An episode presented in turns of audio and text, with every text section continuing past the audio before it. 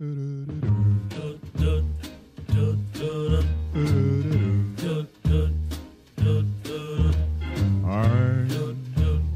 dreaming of a white Christmas just like the ones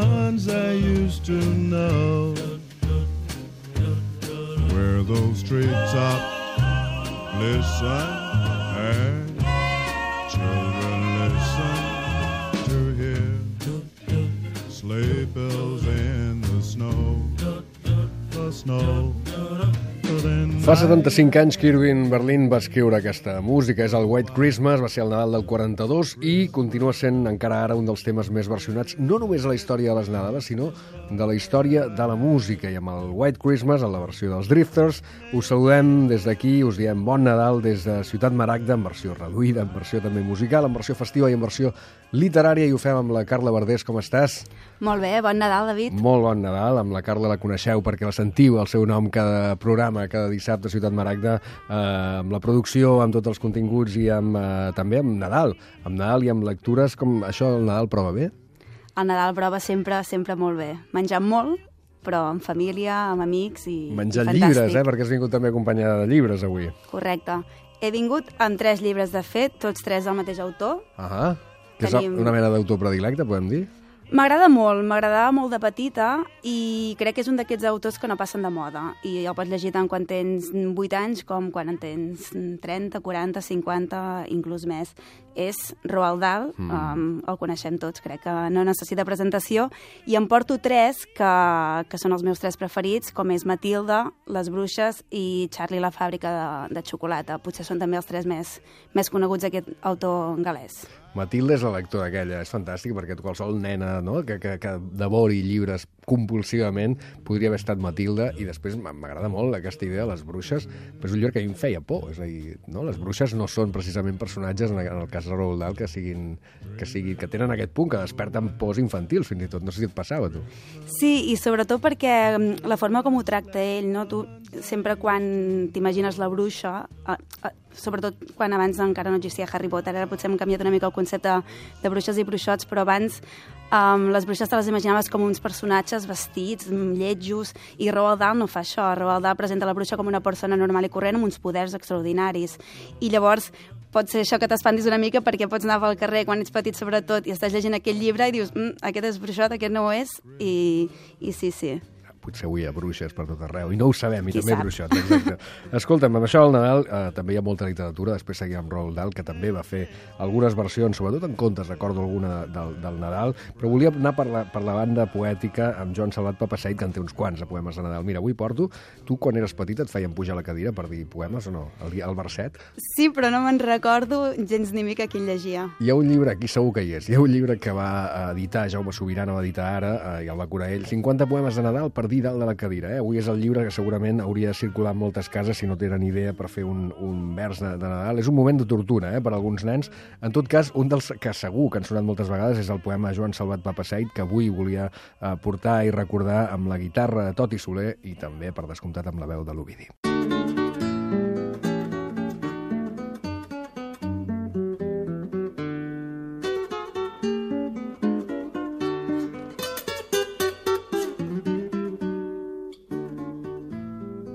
Sento el fred de la nit i la cimbomba fosca.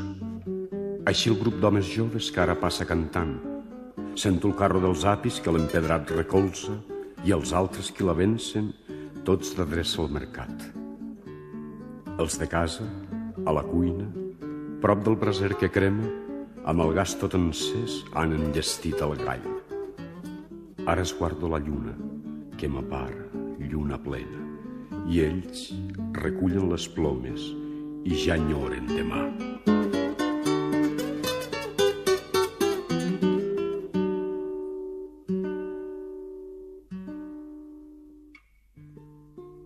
Demà, posats a taula, oblidarem els pobres, i tan pobres com som.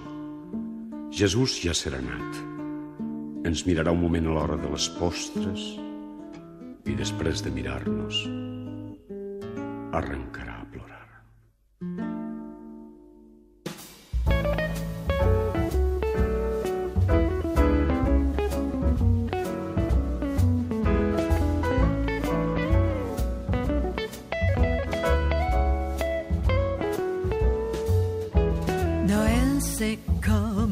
rythme de jazz. Ça commence tout doucement.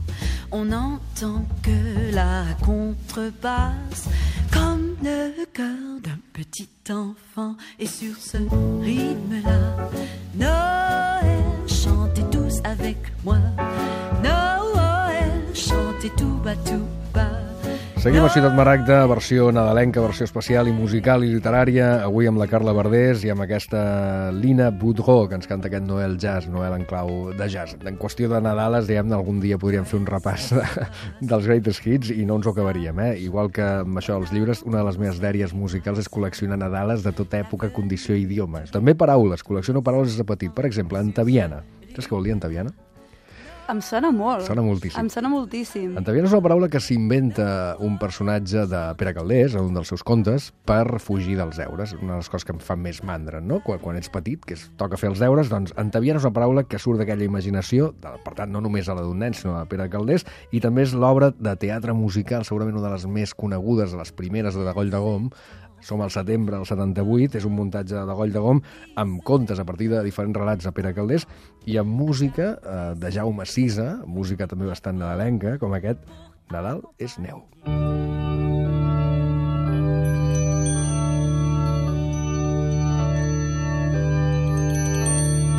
De matinada la neu cobrirà la ciutat i nosaltres dormint somiarem dolçament un paisatge feliç i cridòria d'infants trafegant els carrers. De l'hivern lluminós ens sorprendrà tot silenciós el nostre pas damunt del blanc i una tendra escalfor ens envoltarà el cor. Nadal és neu, Pare Noel. Que aquestes rialles que podien ser les bruixes de Roald Dahl, però no, és Pere Caldés, eh? Pere Caldés que va conèixer un èxit massiu, a més a més, a partir de ja el tenia, eh? però va ser molt més conegut a partir d'aquesta entaviana, aquesta obra de Goll de Gom, amb la música de Jaume Sisa, que nadalejava amb, amb coses d'aquestes. Eh? Tu et sonava, eh? una mica no saps en què... I és una paraula molt bonica. És preciosa, És molt Antaviana. Sí, sí, per escapar-se dels deures és, és el millor. és el millor, Antaviana. L'altre dia sentíem a la Ciutat Maragda també eh, la veu de, dels poetes. A mi m'agrada molt això de les veus, perquè no, no tots els poetes són grans rapsodes, però alguns d'ells, que coneixen bé els seus versos, són capaços d'integrar-los bé. No? I en el cas de, de poetes històrics, també a vegades és interessant perquè hem llegit moltes vegades les estances de Riba, no? Però com sonava, per exemple, la veu de Carles Riba? Tu et vas fa una pregunta per a ja dir que sí. Pura, acceptant per sempre l'obra de l'esperit. Mira'ns, filla de l'home, amb ulls de mare humil, que els qui sabem per sempre encara fem preguntes i encara diferim. Vas collir-te el pare i vas callar en el fill. Tu que ensenyares llengua de poble al verd diví. Acull-nos el silenci amb què el miraves fit, plena de gràcia, i una entre els que obscurs seguien els passos del camí. Eternament ets reina, com en la clara nit que fou per tu infantada la pau al regne trist. Mostra'ns la pia, força si cal el nostre pit. Gira amb dolçor invencible els moviments que minven el nostre plen al Crist. Riba, eh? Alguns altres, recordo alguns versos de Foix, que, clar, tenen potser més anys i els enregistraments justegen una mica més, però això la tecnologia també ha avançat, com la poesia i els ritmes. Escolta'm, Carla, i de Charlie què? Perquè això, les bruixes, ja n'hem parlat una mica i efectivament són diferents. En, en realitat, qualsevol personatge tocat per la màgia de Roald Dahl són diferents, fins i tot els adults. No? A Matilda també passa. Molt, molt sovint els adults en el món de Roald Dahl són dolents, són desagradables, són, són éssers, no diré abominables, alguns d'ells ho són, eh? però en tot cas i els, els infants són bastant més, bastant més empàtics. En el cas de les, eh, del Charlie i la fàbrica de xocolata recordo algun que no ho és tant, però és un món i un imaginari que també ha, ha generat anys i anys i generacions de, de fans, no? Un nen que, va, que pot anar a una fàbrica on tot mm, hi ha xocolata, no? quin és el somni de qualsevol nen, poder menjar xocolata, poder menjar um, llaminadures, i el Charlie ho té, llavors um, un món fantàstic d'aquest tipus, amb un personatge tan tan diferent no? com és el Willy Wonka de, que té aquesta fàbrica, um, és normal que enganxi aquest públic lector perquè tots voldríem ser allà, no? tots voldríem ser el Charlie, tot i ser un, un nen d'una casa molt pobra que passa gana, um, poder anar a aquesta fàbrica i poder um, competir amb, um, amb la resta de persones per, per aconseguir-la, um, és normal que enganxi perquè tots voldríem ser, ser ell. Clar, l'imaginari Roald Dahl és amplíssim. L'imaginari de... Jo sempre he pensat que, que el Nadal literari té un inventor modern, si més no, que és Charles Dickens, no? I el senyor Scrooge i companyia, és a dir, el Grinch i tot això, en el fons ve de, de la mateixa història. Aquest senyor eh, que rondina, que no li agrada el Nadal, de les estrofes del, del Nadal passat, present i futur, i tota aquesta història, segurament el Nadal sense Dickens seria molt diferent, o seria un altre Nadal, no tindria sentit, no? Això és l'imaginari antic, però hi ha un altre senyor que va crear eh, si més no per la via també gràcies al cinema, un imaginari modern del Nadal i de la mateixa manera que tenim eh, Ebenezer Scrooge per part de Dickens, tenim Logie Wren per part d'un tal Paul Auster. Ja.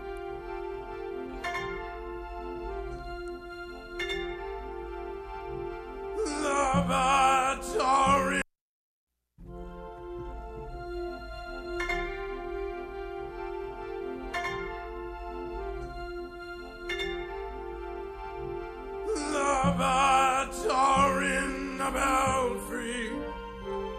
La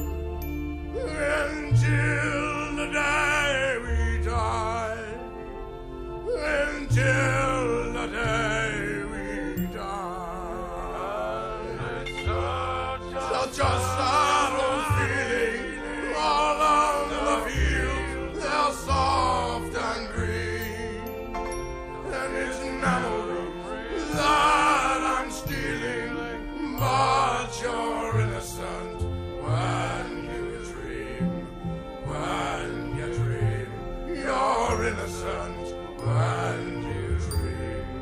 When you dream, you're innocent when you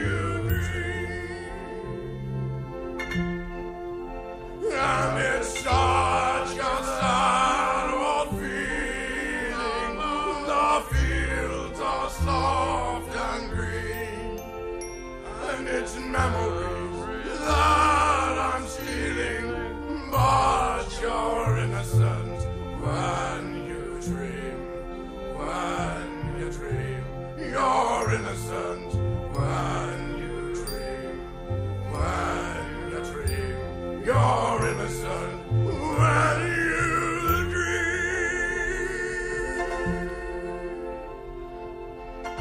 I per què Innocent When You Dream? Però és el Tom Waits que sona en el final de la cançó, en, sona en aquest fragment del conte de Nadal de Paul Auster que narra eh, bona part de la pel·lícula Smoke, no sé si has vist Smoke, la pel·li de Wayne Wan, amb guió de Paul Auster. La història és de Paul Auster i Lois Ryan és aquella eh, meravella de personatge que eh, davant de l'estanc cada dia pren una fotografia. És la mateixa fotografia, és el mateix racó, és el mateix enquadrament i allà cada dia veu passar la vida a través d'un àlbum que té i va col·leccionant en instants, no? I aleshores és immutable el racó, però en canvi el que va canviant són els, els elements, els personatges i tot plegat. Un narra eh, això, Logie Grant, aquest conte de Nadal, jo crec que és la versió, si abans deia, el Dickens eh, va construir l'imaginari literari del Nadal eh, antic, Paul Auster en bona part ho va fer de, del Nadal modern, és bastant més conegut. Innocent when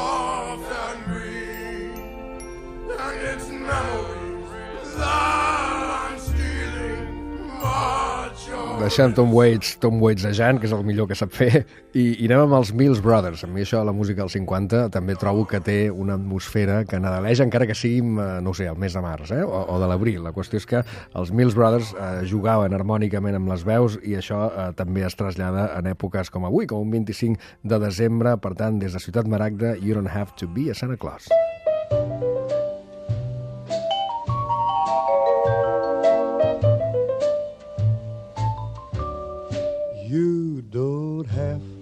to be a Santa Claus when Christmas comes around. But if you would be a Santa Claus, you'd know the joy he's found. You'd discover what it means if you'd reach down in your jeans and have a turkey on the table for someone who's not able. You don't have to wait till Christmas Day to bring your Christmas cheer.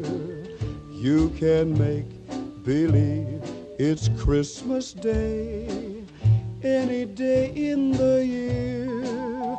You don't have to be a Santa Claus, cause he's just a man like you.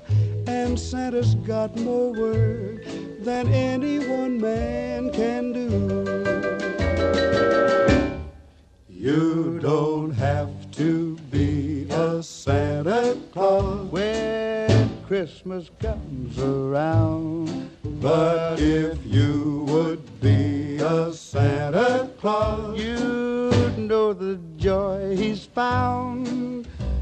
discover what it means if you reach down in your jeans and have a turkey on the table for someone who's not able. You don't have to wait till Christmas Day to bring your Christmas cheer. You can make believe it's Christmas Day any day in the year. You don't have to be a Santa Claus, cause he's just a man like you. And Santa's got more work than any one man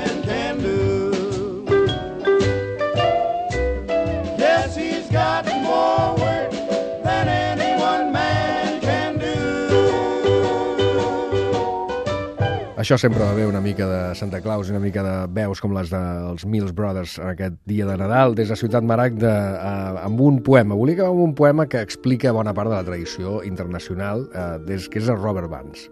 Qui és Robert Burns? No és una pregunta d'examen, eh? De fet, no és ni una pregunta, és, un, és retòric tot plegat. No, Robert Burns era un poeta del segle XVIII, escocès, que va escriure un, un, un poema que es diu Old Lang Syne, no? I, I és un poema que parla de l'amistat, de per què no recordem els vells amics, per què no ens donem la mà, per què no tornem amb ells, per què no quedem... Una cosa que, en el fons, és fraternal, és ecumènica i parla de tot plegat. I aquí els catalans fa anys que la vam convertir, fa molts anys, en una cosa una mica més funerària. Ara t'explico per què. Perquè l'Old Lang Syne és aquella cançó que nosaltres hem convertit en l'hora dels adeus, no? I aleshores no volem dir adeus, sinó hola, i no volem eh, saludar tristament, sinó amb alegria, amb aquesta comunió que proposava Robert Burns. És un poema que van musicar eh, molts, molts artistes, entre els quals aquests drifters, amb els quals també ens acomiadem. Avui us diem bon Nadal, la Carla Verdés, gràcies per portar-nos Roald Dahl, que és un mite no només del Nadal, sinó de la literatura. Eh? I gràcies un cop més. Gràcies i bon Nadal. I també la Rosa Sillué, que ens ha acompanyat avui amb aquest dia de Nadal especial des de Ciutat Maragda, Old Lang Syne amb els Drifters. Molt bon Nadal. Should old acquaintance be forgot and never brought to mind?